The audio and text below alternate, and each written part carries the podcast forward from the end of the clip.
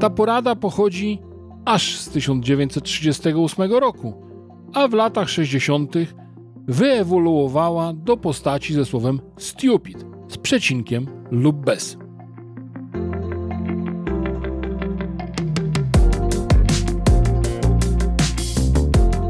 Kluczowym elementem skutecznych negocjacji jest prostota.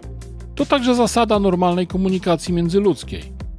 Negocjatorzy muszą się wzajemnie rozumieć, bo tylko to daje podstawę do zbudowania atrakcyjnego porozumienia. Długie wywody, nawet słuszne, bywają oczywiście nudne i zwykle tylko w jednej niewielkiej swojej części dotyczą tego, co ważne dla rozmówcy. To tak, jakby kupować bilet na pociąg i musieć wysłuchać informacji na temat sposobu zasilania trakcji elektrycznej. Między innymi z niechęci do skomplikowanych treści bierze się także powszechna wśród mężczyzn niechęć do czytania wszelkich instrukcji obsługi. Kobiety czytają instrukcje częściej. Dbałość o łatwe zrozumienie znana jest w biznesie pod skrótowcem KISS Keep it short and simple, czyli dbaj, aby było krótko i prosto. Ta porada pochodzi aż z 1938 roku, a w latach 60. wyewoluowała do postaci ze słowem stupid z przecinkiem lub bez. Szczegularzy zachęcam do sprawdzenia. O prostotę w negocjacjach można zadbać nomen omen prostymi metodami. Jedna z nich to oczywiście przygotowanie. Trzeba wiedzieć, co się chce powiedzieć. Zbyt proste? Każdy wie? Czy aby na pewno? Negocjatorzy zwykle rozumieją przedmiot swoich negocjacji. I to jest właśnie poważne utrudnienie. Chcąc ten przedmiot przedstawić, opisują go zgodnie ze swoją najlepszą wiedzą, czyli wyczerpująco. A to już komplikuje przekaz. Przy tej okazji zachęcam do prostego ćwiczenia. Najpierw przygotuj swoją możliwą wypowiedź negocjacyjną. Może to być oferta, może być to opis warunków finansowych, mogą być to oczywiście przewagi techniczne.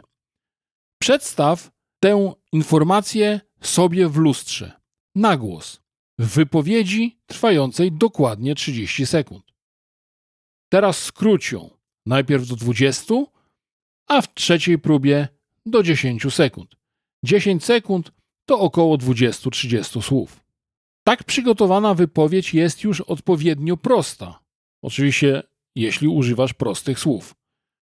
O użyciu trudnych i skomplikowanych słów możesz przeczytać w opisie tego odcinka. Inna dobra metoda to zaakceptowanie niedoskonałości uproszczenia. Nie oferuj i nie żądaj perfekcji.